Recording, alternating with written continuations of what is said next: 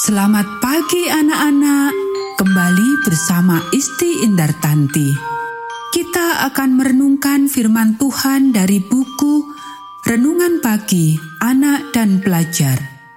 Perjalanan menuju negeri perjanjian Allah yang disusun oleh Pastor Dr. Marolop Sagala. Mari kita awali dengan doa. Bapa kami di surga, kami akan belajar firman-Mu. Tolong kami supaya firman-Mu menjadi tuntunan bagi kami hari ini. Dalam nama Tuhan Yesus kami berdoa. Hari ini, tanggal 21 Februari, judul renungan kita Tulah Belalang. Ayat hafalan Keluaran pasal 10 ayat 4. Jika engkau menolak membiarkan umatku pergi, maka besok aku akan mendatangkan belalang-belalang ke dalam daerahmu.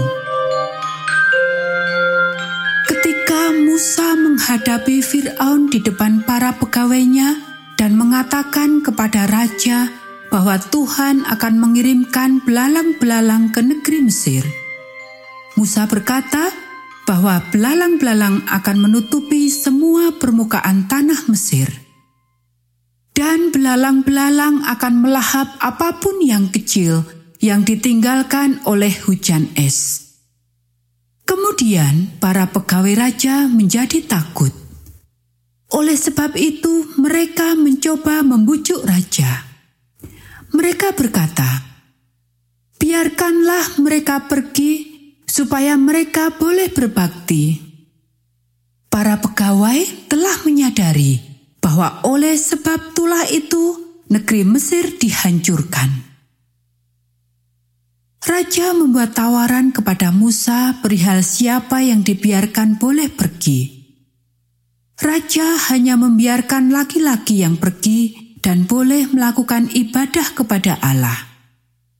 Dan oleh sebab raja masih belum sesungguhnya mau membiarkan Israel pergi, kemudian Allah membuat angin timur berhembus melintasi negeri sepanjang siang dan malam. Di pagi hari, angin membawa belalang-belalang. Mereka mengepung seluruh Mesir. Tulah seperti ini belum pernah sebelumnya, atau tidak akan pernah lagi. Belalang menutupi seluruh permukaan tanah sampai menghitam mereka melahap semua yang ditinggalkan oleh hujan es.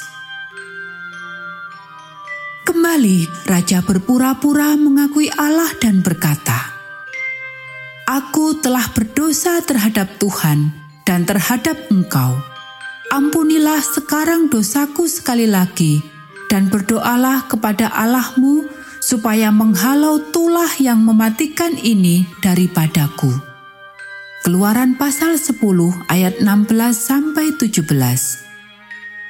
Tapi ini tidaklah pertobatan sesungguhnya. Kemudian Allah mengeraskan hatinya. Pelayanan ini dipersembahkan oleh keluarga Pendeta Kurnaidi. Semoga menjadi berkat untuk kita semua.